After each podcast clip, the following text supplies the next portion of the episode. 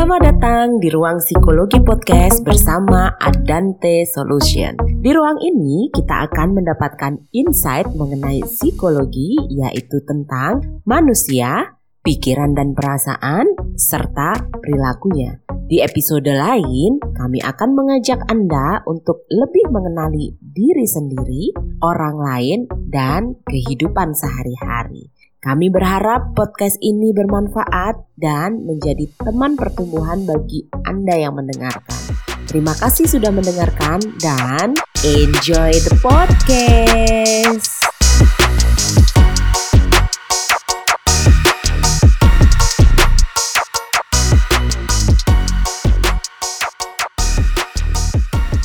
Bismillahirrahmanirrahim. Assalamualaikum warahmatullahi wabarakatuh kembali lagi di segmen segmen ya keren deh namanya Talk with Adante. Nah, Talk with Adante ini akan kita lakukan setiap hari Senin, Rabu, dan Sabtu tuh, dengan berbagai tema. Nah, malam ini kita akan uh, membahas tentang manfaat reframing bagaimana mengelola kemarahan menjadi kekuatan dan pendewasaan jiwa.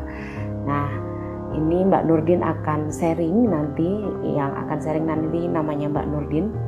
Lebih tepatnya namanya Mbak Siti Nur Hidayah. Tapi beliau nama kerennya, nama panggungnya adalah Mbak Nurdin. Beliau ini magister psikologi. Hai Mbak Nurdin sudah datang ya. Saya kenalkan dulu sebentar ya Mbak Nurdin ya gitu. Nah, beliau kesehariannya itu sebagai dosen, juga sebagai pengusaha ayam, kemudian pengusaha banyak kali ini usahanya beliau ya. Pengusaha pengolahan susu kambing. Jadi, silahkan teman-teman yang di Jogja ataupun di luar Jogja yang uh, membutuhkan gitu ya uh, susu olahan kambingnya Mbak Nurdin bisa menghubungi beliau. Kemudian beliau juga sebagai guru ngaji juga, nah, luar biasa nih. Nah, beliau juga sebagai certified NLP coach gitu ya. Nah, kebetulan beliau juga sudah menjadi seorang coach, jadi beliau sudah menangani beberapa klien juga yang akan disaringkan dari pengalaman beliau pribadi dan pengalaman bagaimana beliau mendampingi klien-klien dalam menghadapi kehidupan rumah tangga gitu ya. Nah, sebentar lagi akan saya ajak gabung Mbak Nurdinnya. Bismillah. Alhamdulillah. Alhamdulillah akhirnya. Oke, okay, gimana gimana gimana? Ya, okay. ini muka mukanya Mbak Nurdin belum nampak ini, tapi suaranya sudah muncul, Mbak. Oh begitu, nah, mukanya belum nampak. Iya. Iya masih muter-muter nggak apa-apa. Mungkin lagi okay. nyari sinyal. ya ya, like, sinyalnya jelek kan. Oke. okay. Nggak apa-apa. Sambil menunggu penampakan mm -hmm. Mbak Nurdin. Ya, Mbak Nurdin okay. apa kabar? Alhamdulillah baik. Kak Canda, Kak Canda apa kabar nih? Alhamdulillah baik. Terakhir ketemu nggak ketemu ya ke rumahmu iya, ya? itu nggak ketemu. Jadi Maklum. ke rumah cuma nganter ayam, nah orangnya keluar udah nggak ada orangnya. Mana orangnya? Iya. Ternyata udah sampai mana entah gitu. Iya ya, masuk ya mengantar-antar ayam seluruh Jogja. Wih. Alhamdulillah lancar. Alhamdulillah. Alhamdulillah. Alhamdulillah lancar. Mm-mm. Alhamdulillah, mudah-mudahan dilancarkan ya semuanya. Amin ya Allah. Okay. Amin. okay. ini ini mukanya mm-hmm. belum nampak, Mbak. Nampaknya belum. Coba? Apa di uh, face-nya diginiin atau apa Enggak, be- bener diberdiriin sih. Apa coba ku close ku, ku ajak gabung lagi ya? Ah, oke okay, oke. Okay. Boleh boleh boleh. Oke. Okay. okay. Close dulu. Oke. Okay coba kita ajak gabung lagi Mbak Siti Nur Hidayah Bismillah Hai Mbak Ari sekarang udah nampak belum? Alhamdulillah sudah nampak, nampak dong. Yeay, sip sip ya. sip sip, keren keren. Iya. Ada Ica juga, ada Elo. Iya. Luar biasa okay. Mbak Ari. Ada Bu Hikmah tuh, ada Bu Hikmah juga, ada, ada Bu Ari. Oke. Iya iya iya iya. Luar biasa koleksimu Mbak ya bukunya. Oh banyak ya. Semoga dibaca semua ya. Amin. Amin amin amin amin. Oke. Oke, Mbak Nurdin malam ini Ya. eh, Mbak Nurdin mau sharing tentang manfaat reframing. Ya. Ya betul. Salah Mm-mm. satu salah satu teknik mungkin ya yang Ya. ada di NLP yang kita pelajari bersama di Mm-mm. komunitas Indonesia NLP Society yang sungguh-sungguh bermanfaat Iya gitu, betul. baik dalam kehidupan kita sehari-hari ataupun dalam kita mendampingi klien-klien atau teman-teman kita yang curhat sama kita ya. Dan malam ini Mbak. Nurdin mau sharing manfaat Mm-mm. refra- reframing terkait dalam mm, kehidupan berumah tangga, betul nggak? Mm-mm. Betul betul. Mm-mm. Oke, nah Oke. Mbak Nurdin kalau ngobrolin mm, apa ya kehidupan rumah tangga itu luar biasa ya. Setiap rumah Betul. tangga punya punya seni Dinamikanya masing-masing. gitu ya. punya dinamikanya masing-masing betul. Ah. Nah sebenarnya kenapa tuh Mbak kameramu Kameranya agak diturunin kayaknya mukamu cuma separuh. Nah Ah. gitu. gini kelihatan tapi miring nggak sih? Eh, agak miring dikit sih, agak Ah, ya. dimiring. Nah, Ini lurus. Miring-miring gitu. Oke oke. ya, ya. tadi mukanya cuma segini sekarang. Oke lagi nih. Oke, ya, ya, oke. Nah gini sip, sip. Oke. Sip. Oke, sip. Suaranya juga jernih. Oke. Mbak Ari sampai ngakak. Mbak Ari tuh kangen ke Jogja, kangen ketemu kita kayaknya ya. Oh iya ya.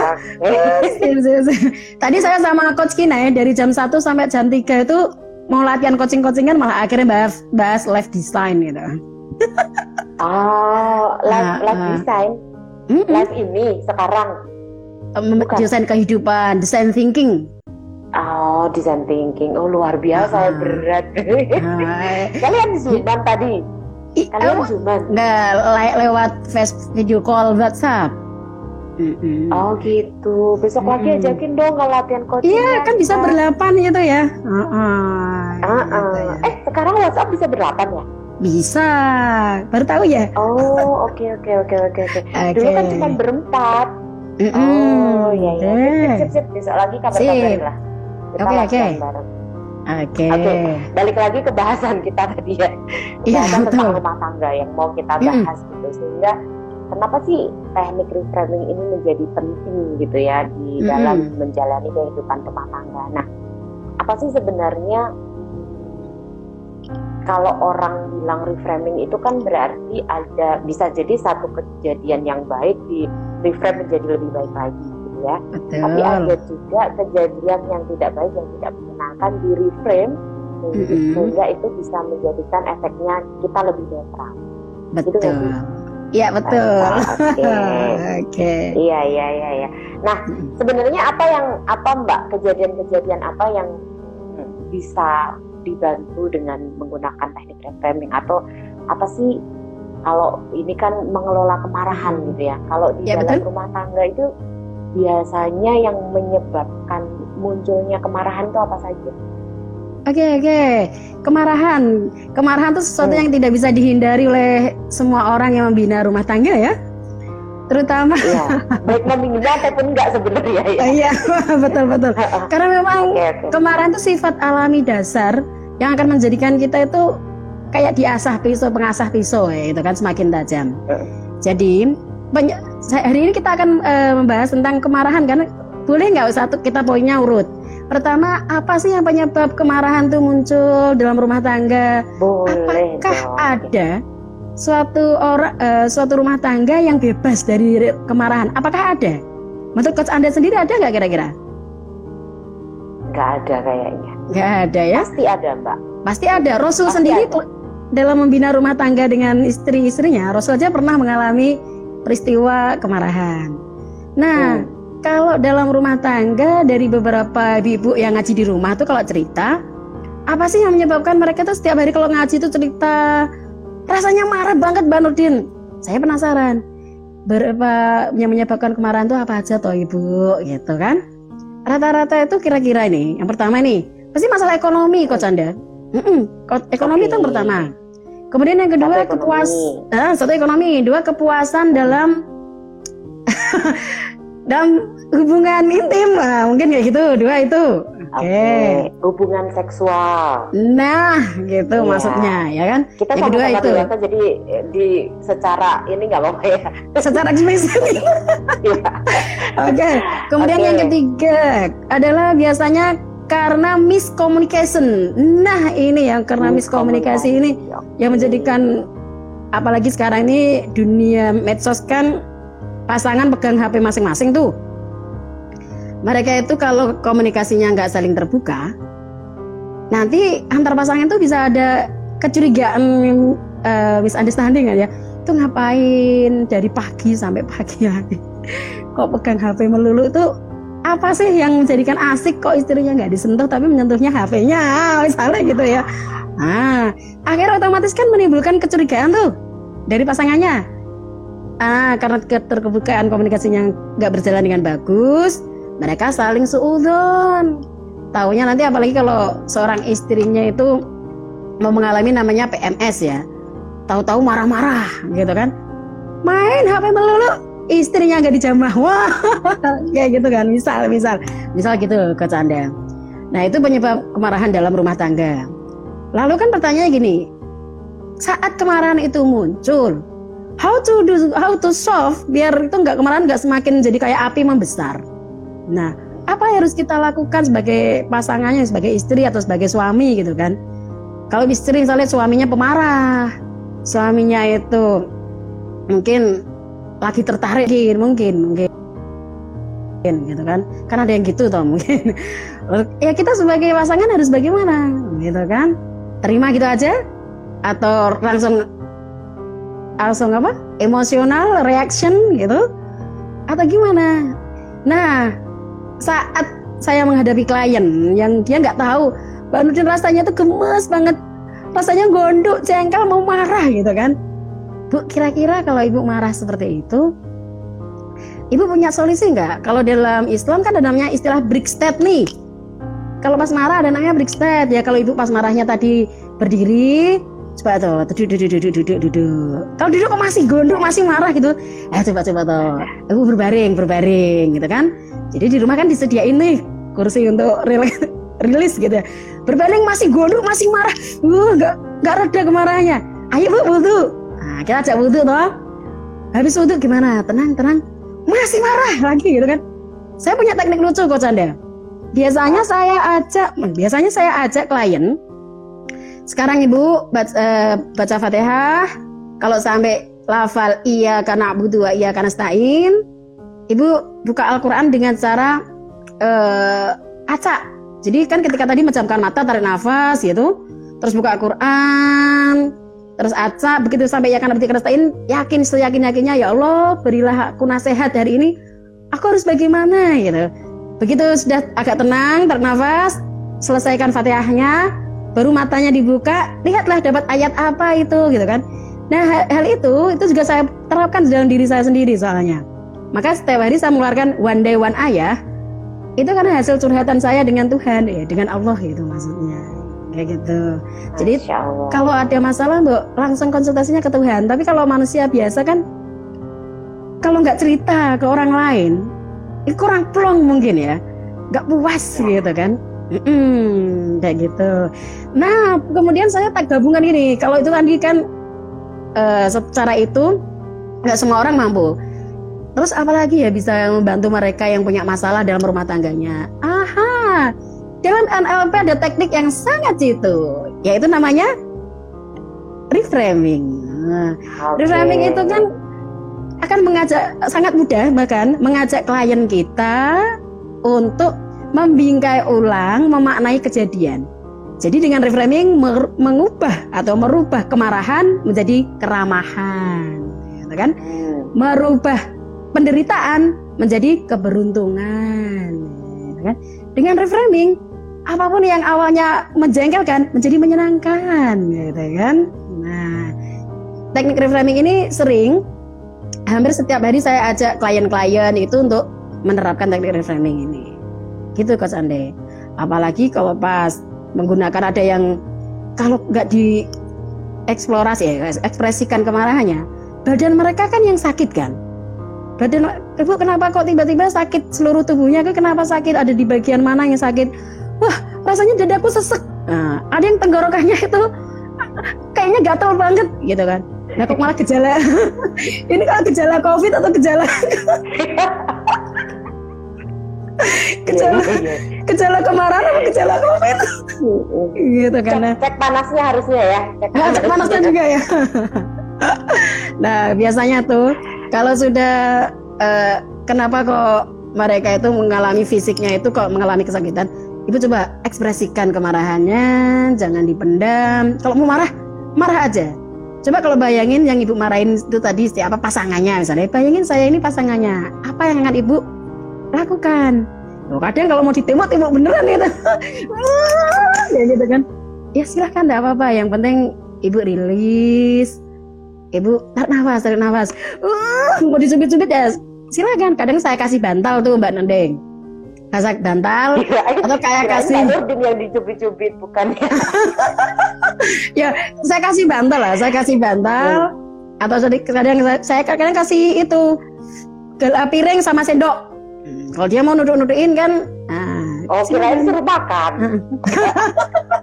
Duduk-dudukin piringnya. Eh, bayangin piringnya itu adalah objek yang dimarahin, gitu kan? Oh, Oke. Okay. Uh, uh, tapi kemudian saya mikir lagi, ini ya bukan reframing lah ini, ini pelepasan kemarahan. itu tapi untuk untuk untuk rilisnya dulu, untuk melepaskan ketegangannya dulu.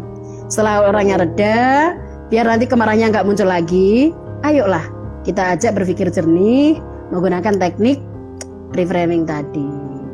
Setelah dia oh. tenang, Bu, Bu, kira-kira makna kejadian ketika Ibu mengalami peristiwa ini apa sih gitu.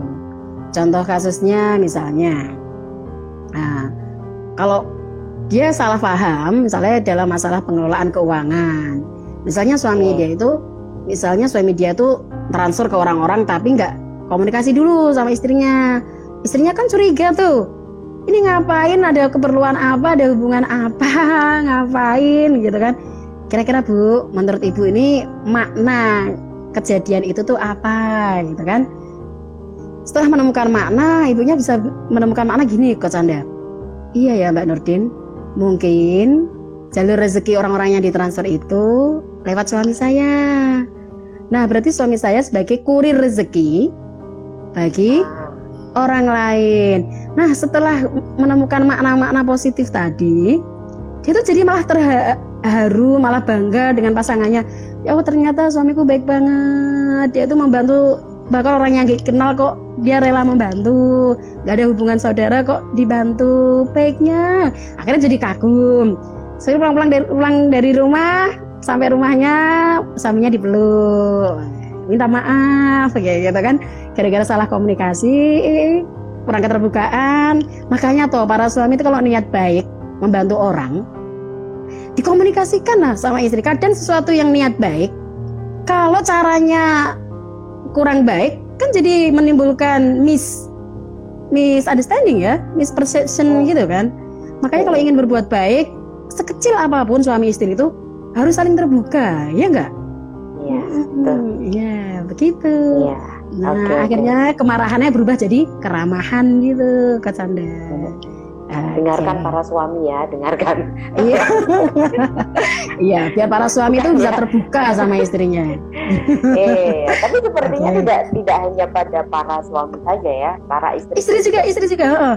Apalagi istri kalau mau memberikan ke orang lain tuh kan cross check, itu uangnya uang suami atau uang dia gitu. Meskipun suami kasihkan uang ke istrinya, kalau dia mau ngasih bahkan saudaranya, bahkan ibunya, harus minta izin dulu dong ke suaminya. Masa uang suami dia beri-berikan gitu aja, dolim dong. Kalau bisa tidak ada kezoliman lah dalam rumah tangga itu. Gitu.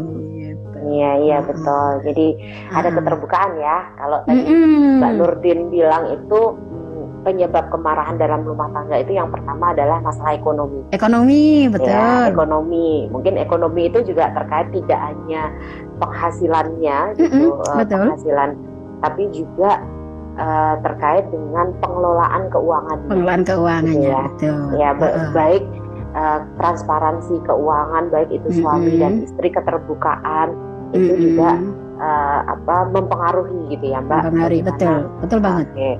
Hubungan suami -hmm. istri. Kemudian yang kedua ini uh, tentang hubungan seksual gitu. Betul. Jadi -hmm. hubungan seksual dan macam-macam ya, baik -hmm. uh, yang banyak kasus itu adalah ya ada yang mm, menikah tapi ternyata di luar punya hubungan hmm. yang lainnya baik hubungan Betul. yang lainnya itu dengan sesama laki-laki atau sesama perempuan sekarang kan banyak ya betul ya ya, ya hubungan betul, yang seperti itu mm -hmm. gitu jadi mm -hmm. uh, ya terkait dengan uh, hubungan seksual gitu uh, mm -hmm. kemudian yang ketiga adalah komunikasi, komunikasi dalam rumah tangga mm -hmm. komunikasi berumah tangga jadi mm -hmm. nah ini bukan sepertinya tiga hal ini bukan berdiri sendiri ya, bukan berdiri sendiri, tapi ini saling terkaitan. Pada terkaitan. Saat satu tidak terpenuhi, maka mm-hmm. yang lainnya berdampak. pasti akan terganggu, berdampak. Mm-hmm. Nah, buat teman-teman yang mengikuti live kita di hari Senin, mm-hmm. mungkin ini terkait mm-hmm. juga gitu ya, bagaimana Betul. membuat keluarga yang kokoh gitu. Uh-uh. Ada enam enam formulanya, ada enam pilarnya di sana. Uh-uh. Salah satunya juga terkait dengan komunikasi atau komunikasi dengan mm-hmm. uh, orang yang ada di rumah. Gitu. Mm-hmm. Betul, nah, betul. kemudian cara mengatasinya kalau Mbak Nurdin tadi sharing adalah dengan mm-hmm. ya setiap orang itu pasti pernah marah gitu. Iya. Huh. Misalkan pun ada kejadian yang tiba-tiba kok suamiku kok istriku yang dipegang HP terus gitu kok nggak uh, uh. pernah megang aku itu ada sesuatu uh. nah pada saat itu tidak dikomunikasikan muncul hmm. masalah gitu kan Iya, yes, suudon nanti aja. Suudon ya gitu. Muncul kemarahan gitu, ada emosi gitu, sampai tenggorokannya uh, kata tadi ya kata Upeng. Uh -uh. kata Upeng tadi kemarahannya terdeteksi dari tenggorokan bisa jadi karena itu jadi salah satu alarm ya di tubuh. Uh, alarm, ada juga betul. orang yang uh, menahan kemarahan jadi muncul gatal-gatal ada juga. Mm -mm. Gitu mm macam-macam juga gitu. Nah, uh, kemudian apa namanya hmm, tadi Mbak Nurdin ya marah itu wajar.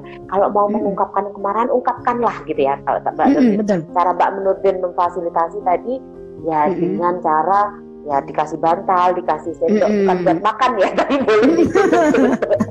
ya buat nuduk-nudukin gitu ya karena ada medianya gitu. Ya, kemudian kalau di hmm. di Muslim itu ada ada teknik namanya ya bahasa kerennya zaman sekarang itu adalah break state, break gitu ya. Sedangkan hmm. itu di zaman Rasulullah itu sudah diajarkan. Hmm. Jadi diajarkan. Nah, uh, ya di, di, diajarkan. Nah kalau kalau di NLP itu kan setelah break state itu biasanya kita bisa hmm. disosiasi kan.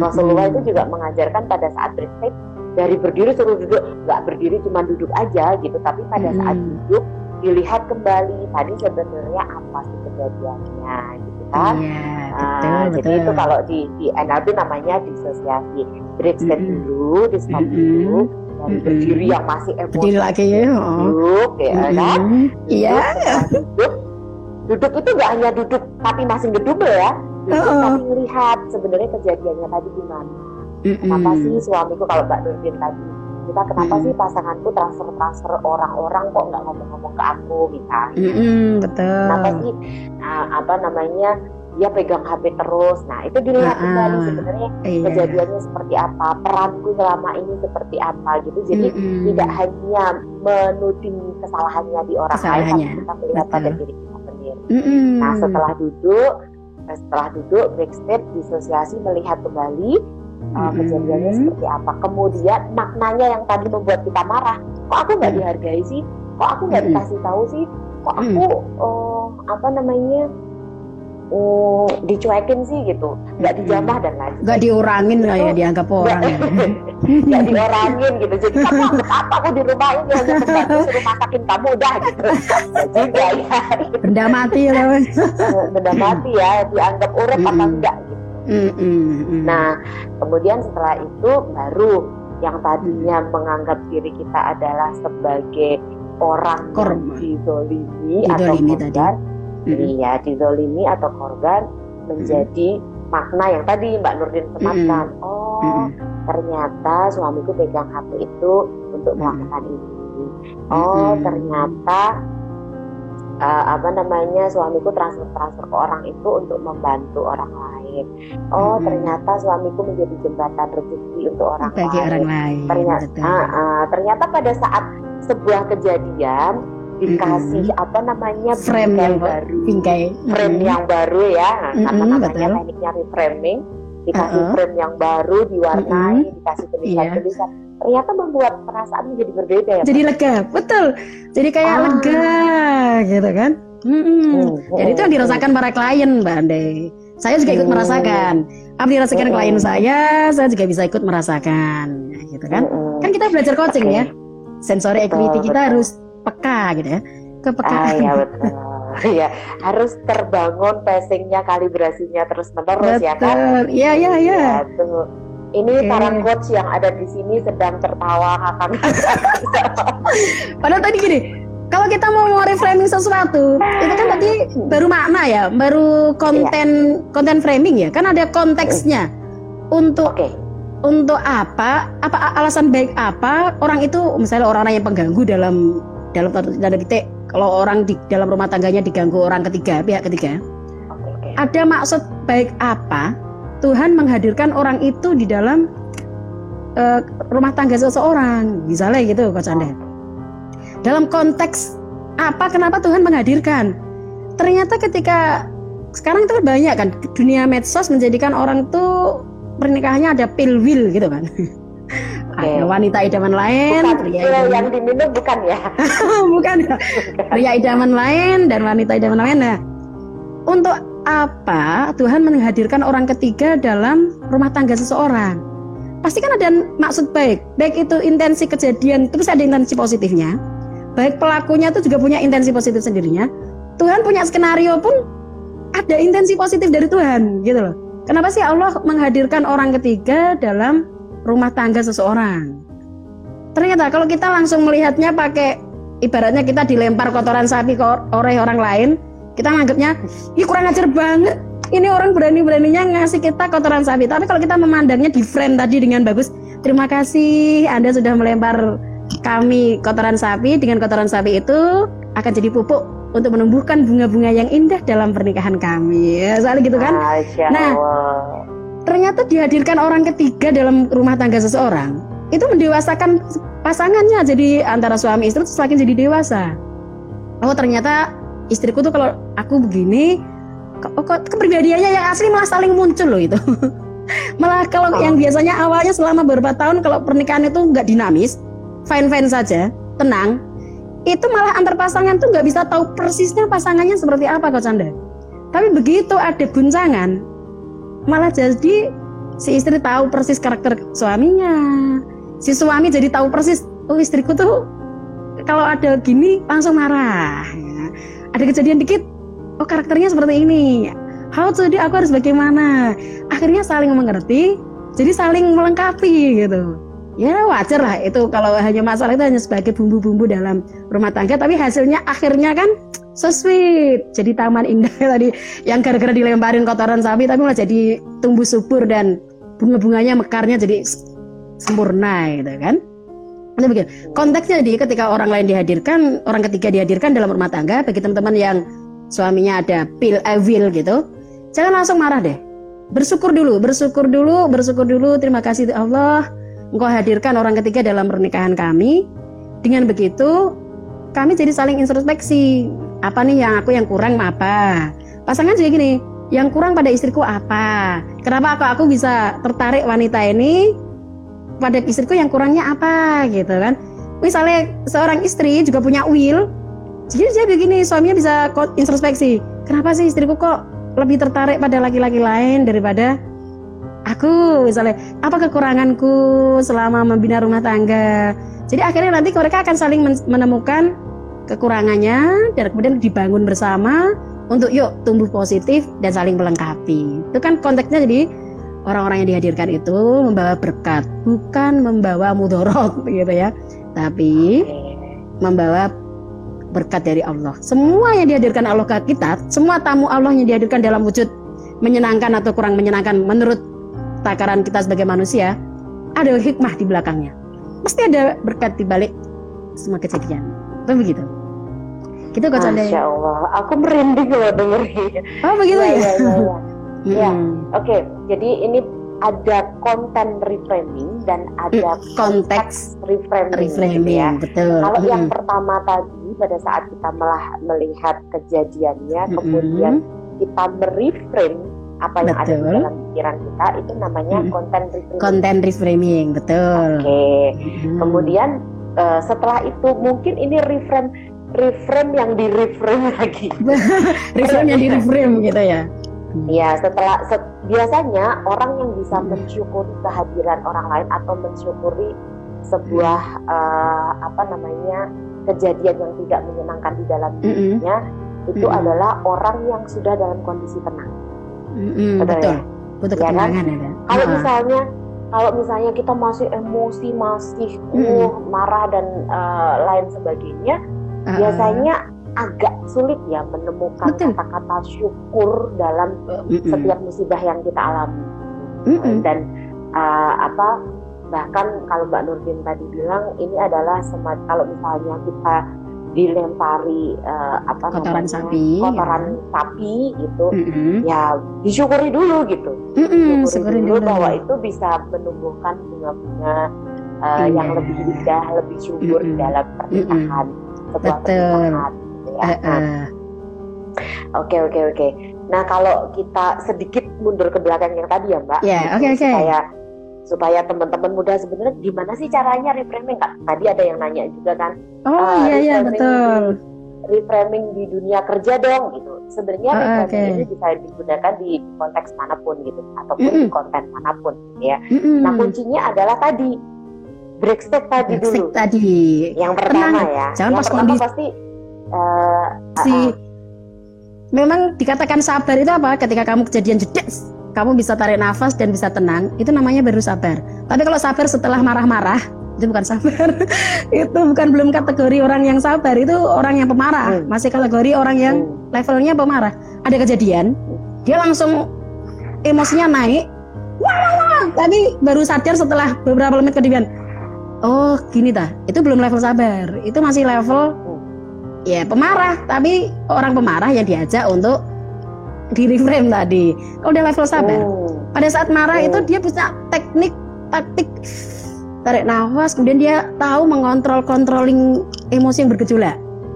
Break jadi cepet, jadi tenang, cepet tenang, sabar. Oke. Ketika oke, kejadian oke. tetap bisa tenang, itu orang yang sabar. Hmm, Oke, jadi Hmm. orang-orang yang sabar itu belum sampai marah.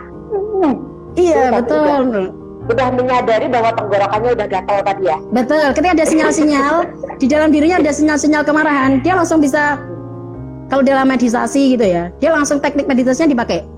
Misalnya ini teknik meditasi yang paling mudah ketika mau muncul kata-kata, ujung lidah ditaruh jika seperti huruf dal itu lah. Eh. Langsung tarik nafas langsung. Hmm. Itu nanti dada itu dari yang mau mubeng-mubeng bergelombang-gelombang keluar, itu jadi hmm, hmm, balik rilis, rilis. Nah, setelah itu baru nanti pikirannya muter mencari memreframe kejadian, cari bingkai-bingkai yang pas lah untuk mem- memaknai kejadian ini. Tapi kalau orang yang nggak terlatih, ya memang dia marah-marah dulu, butuh orang lain untuk untuk memberi pencerahan, memberi inspirasi, insight. Curhat Kan ke ada- sini ke sana sini gitu ya. Ah, betul. Ya itu kebodohan seperti kebodohan waktu aku belum belajar NLP. Iya, iya. Semua Iya, orang iya, pernah iya. melakukan kebodohan, Mbak. Nggak apa-apa. Tenang, Ah. tenang. Gara-gara kebodohanku. Jadi, Jadi aku ketika ada jadi mau belajar kan? Nah, jadi mau belajar. Jadi ketika ada klien pun aku akhirnya klien tanya, aku tanya orang. Ya, kan malah jadi bocor. Astagfirullahaladzim dosa besar ini. ya gitu kan. Iya, iya. Oke, oke, oke, oke. Jadi eh, apa tadi berarti bukan di break step dulu, tapi menyadari pada saat sudah mau muncul kemarahannya. Kita perlu perlu belajar menyadari itu ya, sehingga belum muncul kemarahan kita sudah sadar bahwa Sudah langsung sadar. sesuatu kok kayaknya akan membuat aku marah gitu. Mm-mm. Sinyal-sinyalnya Eh, dipahami. eh, eh, sinyal-sinyalnya dipahami, Mm-mm. kemudian break state, break Mm-mm. bisa dengan eh, apa Oh, mau Kak teknik mau- meditasi tadi. Zal gitu ya. Mm-mm. mau ngomong zal atau dengan cara duduk atau pindah posisi itu break step kemudian dianalisa kejadiannya yang mau bikin malah tadi seperti apa kemudian dikasih bingkai atau frame gitu ya. Di frame yang paling sesuai di kondisi masing-masing. Betul. kalau Mbak Nurdin tadi mereframe-nya adalah oh eh, apa namanya yang pertama tadi Mbak?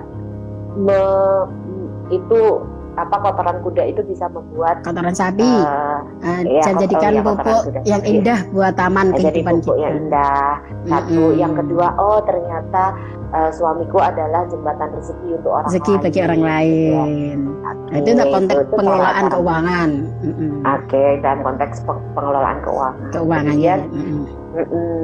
kemudian di eh, apa konteks reframingnya Mbak Nurdin Mm-mm. mencoba sebenarnya intensi positif atau tujuan baik Allah itu apa sih Betul, mendatangkan? beliau ah, menghadirkan beliau masuk ke dalam ke dalam eh, rumah tangga seseorang gitu ya. seseorang gitu ya. Mm-mm. itu apa gitu? Intensi positifnya apa? Untuk Mm. apa? Oh ternyata untuk menyadarkan satu sama lain. Untuk Betul. menyadarkan oh ternyata pasanganku itu eh, kalau misalkan tidak terpenuhi yang ini eh, ada reaksi yang seperti ini oh ternyata ah. istriku pada saat eh, ada permasalahan seperti ini reaksinya seperti ini. Reaksinya Jadi seperti apa? semakin saling memahami gitu ya. Betul, akan semakin Hmm. akrab dan semakin tahu kekurangannya, celahnya. Jadi kan kalau pasangan lihatnya hanya positifnya aja, mulai baik-baiknya aja. Nggak tahu-tahu jeder di akhir karena kan ya malah gak enak toh. Malah setiap hari mendingan tahu persisnya pasangannya tuh. Jadi bisa menerima utuh gitu kan coach Anda. Kalau hanya ner- Iya. mau nerima yang positif-positifnya aja mah sana nikah sama malaikat gitu ya. Jangan nikah sama manusia gitu ya. Manusia ya terimalah utuh apa adanya, mau karakter apanya keterima kalau ibaratnya kalau dia bisa mendatangkan kesenangan dia bisa mendatangkan keburukan ya nikmatin aja nggak usah dipilah-pilah nah pas baik kamu suamiku kalau pas buruk kamu musuhku. Oh my god. Itu Kalau mah pas baik kamu suamiku. Kalau pas buruk kamu suaminya siapa ya? Gitu. Iya. Nah itu mah. Itu kayaknya bukan bukan pasangan yang baik kalau kayak gitu. Pasangan yang baik saling menumbuhkan satu sama lain, saling belajar terus menerus hingga saling bisa memahami sampai titik bahwa kenapa Allah tuh menyatukan kalian, gitu kan? Ternyata fitrah kesucian sampai di bawah naungan cinta Allah dan Rasulnya itu kan sampai ke surganya. Ya kira-kira mereka menyatukan cinta karena Allah dan Rasulnya bukan karena nafsu belaka gitu kan? Mungkin kalau yang nafsu belaka ketika dikasih uang banyak Oh my baby, biasanya ya, biasanya. maaf maaf, soalnya soalnya ya gitulah. Itu orang itu bagi orang yang tidak berpendidikan mungkin ya, orang yang kurang ilmu dalam membina rumah tangga itu hanya mengambil sisi-sisi positifnya. Soalnya ada juga coach Anda, naudzubillah teman naudzubillah, ada kasus seorang istri suaminya sakit, itu malah bukan ditemenin, bukan dirawat, malah dicerai pada saat suaminya lagi sakit. Kan naudzubillah banget kan itu. Astagfirullah, astagfirullah. Atau sebaliknya, istrinya lagi sakit, stroke misalnya. Suami kan karena kurang, kurang puas tadi yang kedua itu ya, mencari pemuas di luar padahal istrinya lagi berjuang untuk kesembuhan sakitnya gitu kan. Kan naudzubillah semua naudzubillah naudzubillah jangan terjadi pada kita dan teman-teman lah. Itu hanya segelintir orang-orang yang tidak yang kurang berilmu maksudnya kurang berilmu maka kita tugas kita adalah yuk merangkul orang-orang yang kurang berilmu dalam bina rumah tangga kita ajak untuk sharing edukasi bahwa dalam rumah tangga itu jangan hanya me ambil enak-enaknya aja dong dalam apa pun dusnya dalam pas ibaratnya itu apa mbak? dus ne- negatif banget pas dalam kondisi celakanya pas apanya itu tuh ya temenin lah temenin tumbuh bersama sampai mencapai naungan cinta Allah dan Rasulnya tadi gitu Iya, iya, iya. Mm-mm. Ih, keren luar biasa. Ya, pada saat eh, kita sendiri bisa tadi memaknai eh, atau Mm-mm. eh, ini ya melihat intensi positif gitu ya, intensi positif Mm-mm. dari setiap kejadian yang hadir di dalam kehidupan kita ataupun di dalam Mm-mm. kehidupan keluarga kita itu akan memudahkan kita untuk eh, kembali lagi ke Allah ya nggak sih? betul betul Ya justru kan? ker- dengan adanya masalah itu cepet kita ke Allahnya jadi cepet Mm-mm. Mm-mm. Karena terus jadi menyadari, oh Allah punya maksud apa ya Baik, gitu. apa ini? Oh, iya gitu. Karena Hmm. karena Allah nggak pernah nggak pernah punya maksud buruk kan. Buruk, Allah iya, selalu selalu punya maksud punya baik. maksud baik gitu ya. Allah tuh selalu punya maksud baik terhadap umatnya. Nah, tinggal bagaimana Mm-mm. kita memaknai kejadian itu uh, benar-benar menjadi maksud baik atau uh, jadi proses pertumbuhan kita, pembelajaran Betul. dalam diri kita menjadi lebih baik. Iya. Oke. Oke, oke. Keren. Nah, setelah Mm-mm. ini ya, setelah setelah uh, baik kita mereframe kontennya Mm-mm. ataupun konteksnya, Mm-mm. nah dalam perjalanan berumah tangga itu kan mm, sangat fluktuatif sekali ya. gitu. Mm-mm, betul. Untuk jadi stabil rasanya tuh gitu terus kan kayaknya Uh-huh. agak-agak nggak mungkin gitu ya. Betul. Bagaimana 24 jam positif gitu ya. Iya. ya mungkin buat Mm-mm. beberapa mungkin bisa dilakukan dengan nah itu tadi eh, mungkin sudah levelnya berbeda kalau kemarin uh, udah hancur semua baru ini Uh-uh, uh-uh. gitu tapi Iya. sudah perbaikannya sudah ah sudah ah, udah nggak jadi atau Sudah terlatih, ya? level ya level naik lagi baru udah nggak jadi Ah. gitu ya Eh, Mm-mm. itu harusnya pertumbuhannya seperti itu kan Iya betul. Ya. Kan dia nah seminggu berjalan bagus, sebulan lanjutkan, lanjutkan dengan bimbingan para coach yang hebat. Oh luar biasa. Ini coach Nurdin itu memang dia. membina rumah tangga gitu ya. Iya, iya. Nah, Mbak, untuk Mm-mm. mempertahankan ini ya, men- mempertahankan apa yang Sikap positif uh, gitu.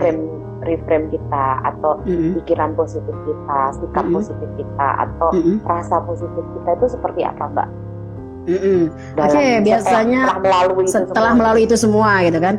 Kalau di rumah saya itu kan ibu-ibu sering namanya ngaji urip, ngaji tua gitu Hmm. kan. Tidak hanya ngaji Al-Qur'an yang kita baca, tapi memaknai tua ngaji urip. Soalnya kemarin aja barusan ada ibu-ibu cerita suaminya banting gelas. Cekar.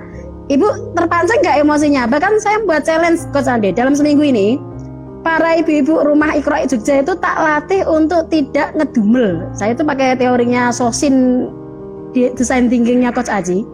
Coba dalam seminggu ibu-ibu lihat apa pun kejadian kita hanya sebagai observer, pengamat.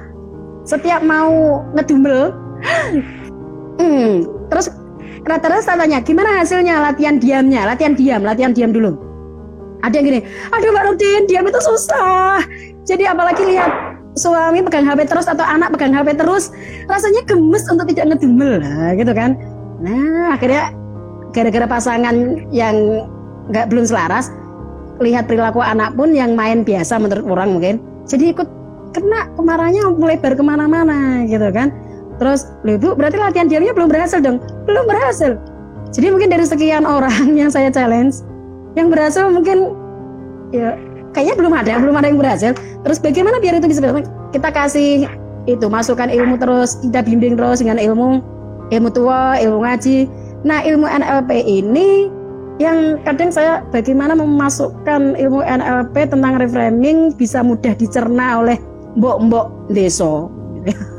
mbok-mbok kampung gitu ya. Itu gimana biar merakyat tidak hanya kayaknya NLP itu kan levelnya menengah ke atas ya. Kalau yang ibu-ibu yang kampung, iya, yang desa terus diajak mengenal NLP, kenapa enggak terus bagaimana mengajarkan reframing dengan bahasa bahasa rakyat biasa ini biar mereka tuh ketika ada masalah ingat reframing, ngono, ingat intensi positifnya, ingat langsung membina maknanya. Nah memang kemudian ibu-ibu gini, oke kita challenge lagi kalau seminggu itu nggak berhasil, jadi observer dulu aja lah, apa pun yang kejadian itu ditulis dulu, ditulis dulu sebelum mulutnya berbunyi, ditulis coba ditulis. Nah, nanti kan nah sudah ditulis oleh aku aku marah sama suamiku. Nah, kan akhirnya membuat surat nggak langsung, hei mas, nggak langsung marahin suaminya tapi aku lagi marah sama suamiku. Kurang ajar banget ini ya, misalnya. Tapi lewat tulisan gitu kan. Uh, akhirnya kan nanti kalau udah nulis semua kan dia baca lagi tulisannya. Kalau lucu juga ya kalau marah ternyata kata-kata apa pun jadi muncul keluar. Dia kan udah rilis dulu ketika suaminya ketemu misalnya tetap muka kan pas berkurang.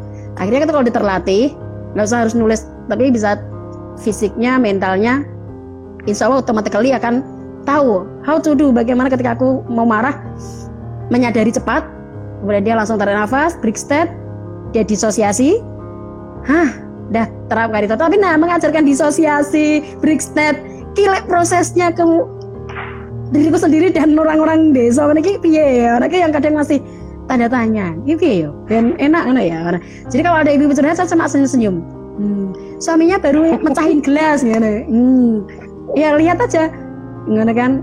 Nggak usah dilayanin dulu. Ketika suaminya mecahin piring mecahin gelas ya dilihat aja nggak usah tambah kan pecahin kabeh pecahin kabeh habis nanti gelas saya. Malah. Ah, sekalian tuh pecah dipecahin semua gitu kan. Itu lucu banget gitu jadi ya begitu akhirnya kemarin ah, berhasil berhasil. Mbak Nudin hari ini aku bisa menahan untuk tidak ngedumel. Aku bisa menahan ketika suamiku pulang mengecewakan, aku bisa senyum. Hmm, itulah uniknya manusia. Itu sudah sudah ber, sudah perubahan yang bagus itu Mbak Anda. Hmm. Ya perubahan pelan-pelan ya. gitu. Nah iya. menjaganya itu kita tetap harus selalu belajar terus belajar terus belajar belajar tambah ilmu. Kalau ilmu tidak bertambah, emosinya lah yang bertambah. Gitu. Emosi negatif maksudnya emosi negatif yang bertambah. Tapi kalau hmm. ilmu iman bertambah, emosi positifnya lah akan semakin bagus meningkat. Jadi ya ngaji itu seimbang ya, ngaji Quran ya ngaji urip ya ngaji. Iya. Itu. Ngaji urip ya. Iya. Itu. Kayak kayak iya, ngaji urip. Sepuh itu ngajinya ngaji urip. Uh, uh, apa namanya? Iya. Um, jadi oke, okay, cara mempertahankannya adalah ya mau nggak mau belajar, mm -hmm. ya kan? Belajar mm -hmm, terus tetap belajar, belajar terus belajar. terus hmm kemudian terus menyadari sehingga itu mm-hmm. jadi otomatis gitu semakin kita sadar mm-hmm. teng gitu kita udah sadar mm-hmm. ya. Iya nah, betul. Bisa jadi Mbak Nurdin bah-bah mm-hmm. atau sibok-sibok yang sudah uh, di desa-desa itu mereka sebenarnya sudah terbiasa reframing loh. Oh iya ya mungkin itu tapi mereka. dengan cara mereka dan saya nggak peka iya. kurang peka. Ya sek sek tanduk digelar digulung nih. Mm -mm. Ya oh kan? iya iya betul. Itu cara Terima. mereka break Ah iya ya betul. Cara mereka break state untuk oh digelar Maka. digulung itu kan melihat mm -hmm. uh, dibuka meneh dibuka meneh masalahnya. Uh -uh juga digulung terus akhirnya dimakai oh ya wis ora oh iya iya iya Gusti iya. Allah suci nah ya kan Cirba suci mau beyo ngono tadi kan iya, iya oh iya ya jadi, -uh. jadi mereka itu teknik reframing itu sudah sudah sangat luar biasa gitu luar -hmm. biasa iya -hmm. itu uh, tinggal mungkin -hmm. kalau kita mau ngajak ke uh, -hmm. apa namanya kalau pengalaman dari mamaku ya kalau ini tadi -hmm. ngomongin tentang haji tua ya Iya betul betul. Uh, mamah mamah mama saya mamaku tuh memutuskan untuk uh, hmm. di pondok pesantren gitu dan hmm. ini lagi di rumah dan lagi ngobrol. Ternyata hmm. dengan ngaji beliau itu setiap hari kan uh, kalau ngaji Al-Qur'annya sudah tinggal ngaji hmm. yang uh, memaknai Al-Qur'an. Memaknai nah, Al-Qur'an. Hmm. Kita sendiri kan tahu ya bahwa Al-Qur'an itu kan hmm. isinya uh, kayak semacam ya sebuah perjalanan tapi ada hmm frame-frame yang memang ditanamkan kepada kita gitu dan betul, ternyata betul. itu yang hmm. menguatkan hmm. menguatkan beliau gitu dan uh, hmm. apa menguatkan beliau me, kalau hmm. melihat perubahan emosi dari mamahku itu jauh banget hmm. jauh hmm. banget dari masa dulu sebelum beliau ada di pondok pesantren gitu. jadi hmm. ngaji tua dan memaknai kemudian memasrahkan gitu ya memasrah Betul. memasrahkan segala sesuatu permasalahan itu kepada Allah itu memudahkan kita untuk mendapatkan jalan keluar justru uh-uh.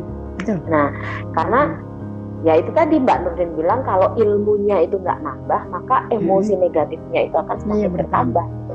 Betul. Tapi ilmu apa pun gitu ya, uh, ilmu apa pun mm -hmm. karena karena kita meyakini bahwa semua ilmu itu datangnya dari Allah kan Betul. Jadi ilmu apa pun semakin kita mempelajari akan memudahkan hmm. kita mengelola emosi dengan baik iya kalau ilmu tadi, nurun gitu ya ilmu itu kan cahaya iya.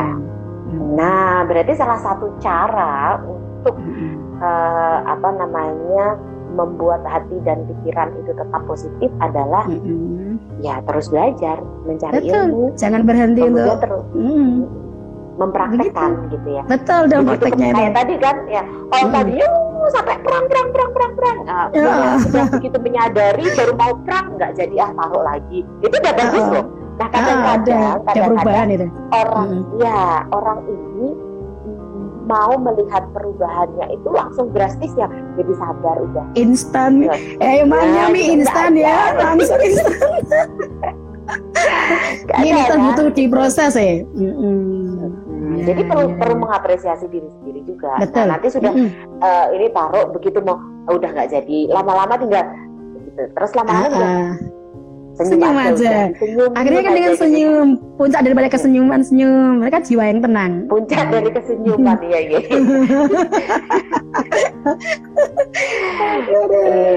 iya Oke. jadi eh, begitu cara mempertahankannya nah ini tadi ada Hmm. obrolan seru nih antara eh, Mbak Santi Mbak eh, apa tentang drama Korea Mbak Nurdin oh nggak? drama Korea saya nggak pernah nonton TV nggak pernah nonton drama ya Nah, gitu ya. Oh, bagus itu Mbak. Ada drama Korea lang- yang lagi ngehits itu Mbak. Apa Oh, sih namanya itu? tadi? Eh, bentar. Cari tadi apa Mbak Hmm. Santi namanya? Nah, itulah. Tadi. The apa marriage the work of marriage marriage gitu. Nah, di situ ceritanya kurang lebih karena aku Mm-mm. juga dengernya baru dari Gatia gitu ya. Gatia sempat ada bikin eh, status di Adande juga tentang membahas Mm-mm. tentang drama film Korea itu tentang Mm-mm, drakor. ya film itu drakor Mm-mm. itu itu tentang eh, perselingkuhan ya ada pil gitu ada di situ Mm-mm, mm-mm. drama Korea itu menceritakan tentang kehidupan rumah tangga yang macam-macam gitu dan Mm-mm, mm-mm. salah satunya adalah kehidupan rumah tangga dari seorang dokter yang suaminya kepincut sama Will gitu Hmm, gitu. gitu. Nah di situ ternyata walaupun itu drama Korea, temen, menurut teman-teman yang menonton mereka Mm-mm. banyak belajar dari sana dan Mm-mm. mereka bisa ya tadi belajar memaknai terhadap Uh, uh, the world of the married life. The Word of the Married Life. Mm-mm. Mm-mm, Oke. Itu gitu. Ah, Katanya sih oke. bagus. gitu. Oh, begitu ya. Nah aku sendiri juga belum nonton sih mbak. Aku dengar ceritanya aja gitu. Oke, oke, oke. Ya itu berarti yang nonton-nonton itu ilmu dari drama itu disampaikan ke yang lain ketika ada klien kita itu kok mengalami peristiwa seperti ini mereka itu bagaimana biar bisa menerima utuh kejadian ini gitu kan?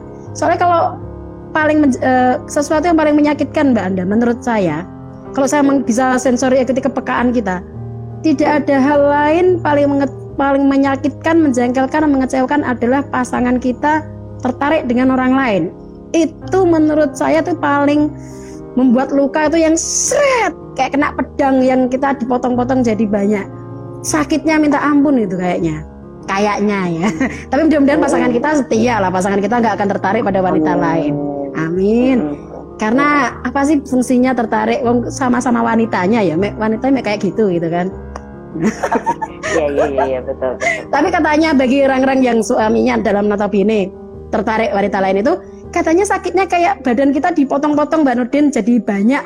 Sakitnya kayak apa? Bisa dibayangin kita kena silat eh kena pisau saja seret sekali sakitnya kayak apa sudah bisa dibayangkan nah itu kan dipotong-potong itu kan sakitnya ya Allah bagi para suami yang tega membuat istrinya sakit kayak gitu apa nggak dolim banget oh itu ih miris rasanya Eh, ya Allah sakitnya tuh di sini ya mbak. Ya mungkin mungkin mungkin sakitnya di situ. Tapi mudah-mudahan kalau pasangan kita setia lah pada kita. Amin ya Allah. Iya. Oke, Mbak Nurdin, kita masih ada Mm-mm. waktu lima menit. Masih ada- Nah, Mm-mm. ada waktu lima menit. Silakan Mbak. Nurdin, hmm, apa ya, mem- ada Menyimpulkan sebuah gitu. pesan atau apa atau Mm-mm. untuk teman-teman yang memang Mm-mm. eh, apa namanya hmm, punya Mm-mm. atau apa ya, bukan cara mereframe dalam kehidupan berumah tangga itu seperti apa? Ya. Oke. Nah, bagi teman-teman, karena dalam rumah tangga itu suatu perjalanan hidup yang paling mengasihkan tuh di rumah tangga, maka sempurnanya iman seseorang itu kan dalam pernikahan ya. Dikatakan sempurna karena memang ketika orang bisa melepaskan ego keakuan dan hanya Allah lah tujuan Allah dan Rasulnya, itu kemudian reframe tertinggi itu di situ Mbak Anda. kalau orang sudah bisa mengeleburkan egonya, menurunkan egonya, suamiku juga milik Allah, aku juga milik Allah. Kita sama-sama makhluk yang kemudian disatukan untuk menjalani kehidupan ini. Dalam rangka perjalanan ini adalah mencapai ke ke Allah dan Rasulnya. Nah, ketika dalam perjalanan kok ternyata pasangan kita suka jalan yang sana, kita kalau merasa bahwa yang jalan kita tempuh adalah benar dan itu sudah sesuai tuntunan Islam, eh bagi kita yang Islam maksudnya bagi yang beragama sesuai dengan agamanya masing-masing fokuslah pada ajaran agamanya bahwa suami kita juga makhluk Allah. Dia pasti juga punya jalannya untuk sampai ke Allah. Kita juga makhluk Allah juga punya jalan kita untuk menuju Allah. Nah sekali lagi jangan menyalahkan orang di luar diri kita. Controlling kita adalah ketika ada kejadian di luar kita yang membuat kita jengkel membuat kita marah. Itu kan di luar diri kita. Yang membiar yang mengizinkan itu marah itu siapa? Diri kita kan? Lah kok ya kamu ngapain mengizinkan orang di luar dirimu mengacak-ngacak pikiran dan hatimu kok ya kamu mau gitu loh. Oh ya sudah kamu fokus pada dirimu sendiri gitu kan? Fokus fokus. Kalau kamu semakin tumbuh cantik jadi bunga yang mekar jadi cahaya indah orang-orang yang di sekitarmu, pasanganmu, anakmu, keluargamu, bulikmu, tantemu, siapa pun lah, dia juga akan kena cahayanya kan. Yang awalnya orang mencari perjalanan hidupnya tadi belok-belok, akan ikut kita kembali lurus, gitu kan? Okay. Jangan nuntut orang lain di luar diri kita untuk sesuai keinginan kita lah. Itu menjadi nggak nyaman tuh karena kita menuntut orang di luar diri kita, pasangan kita, ngikutin apa menjadi kemauan kita. Ya, emang kamu siapa gitu ya? Eh, bisa-bisa menuntut orang lain untuk memenuhi hasratmu, keinginanmu, menjadi indah. Nah, ya sudahlah kita fokus menjadi baik, jadi pribadi yang tumbuh, bunga mekar untuk bisa mewangi harumnya ke mana-mana, gitu kan? Insya Allah dengan begitu semua orang akan fokus pada pertumbuhan dirinya. Sebelum menuntut ke orang lain, dia akan nuntut dirinya sendiri terlebih dahulu. Selesaikanlah dirimu dulu, damai dengan dirimu dulu, biar kamu bisa damai dengan orang yang ada di sekitarmu, gitu enggak? Oke, okay, terima kasih. Sharing yang luar biasa malam ini, gitu ya. Okay, terima sama-sama. kasih. Mudah-mudahan kita semua, uh, keluarga kita semua dalam amin. keadaan baik, ya. Amin, amin, uh, amin, dan, amin. Iya, dan kita selalu menjadi bunga yang bermekaran karena terus bertumbuh gitu ya Betul. karena terus memaknai peristiwa-peristiwa menjadi peristiwa yang, peristiwa yang selalu baik gitu ya. Betul. Baik menurut Allah gitu. Betul. Baik nah tadi Allah. Robi Anzili munzalan mubarkan wa anta khairul munzilin. Itu doa yang ya Allah berilah aku yang terbaik menurut kehendakmu. Kalau menurut kita kan kadang ternyata nggak baik menurut Allah. Nah, gitu kan? Nah, hmm. Amin ya Allah. Oke. Okay. Terima okay. kasih teman-teman. Mudah-mudahan okay. apa yang kita sampaikan bermanfaat untuk kita semua. Amin. Amin. Amin. Amin. Yang gabung uh, malam ini mudah-mudahan bermanfaat. Hmm insya Allah kapan-kapan kita sambung lagi dengan tema yang lainnya ya Pak. Oke, okay, uh, kita siap. akan ketemu lagi di mm-hmm. Talk with Adante hari Sabtu besok. Terima kasih. Okay, Wassalamualaikum warahmatullahi wabarakatuh. Waalaikumsalam warahmatullahi wabarakatuh. Dadah, istirahat semuanya. Mbak Ari, ya. Kak Ande, Kak Cinai.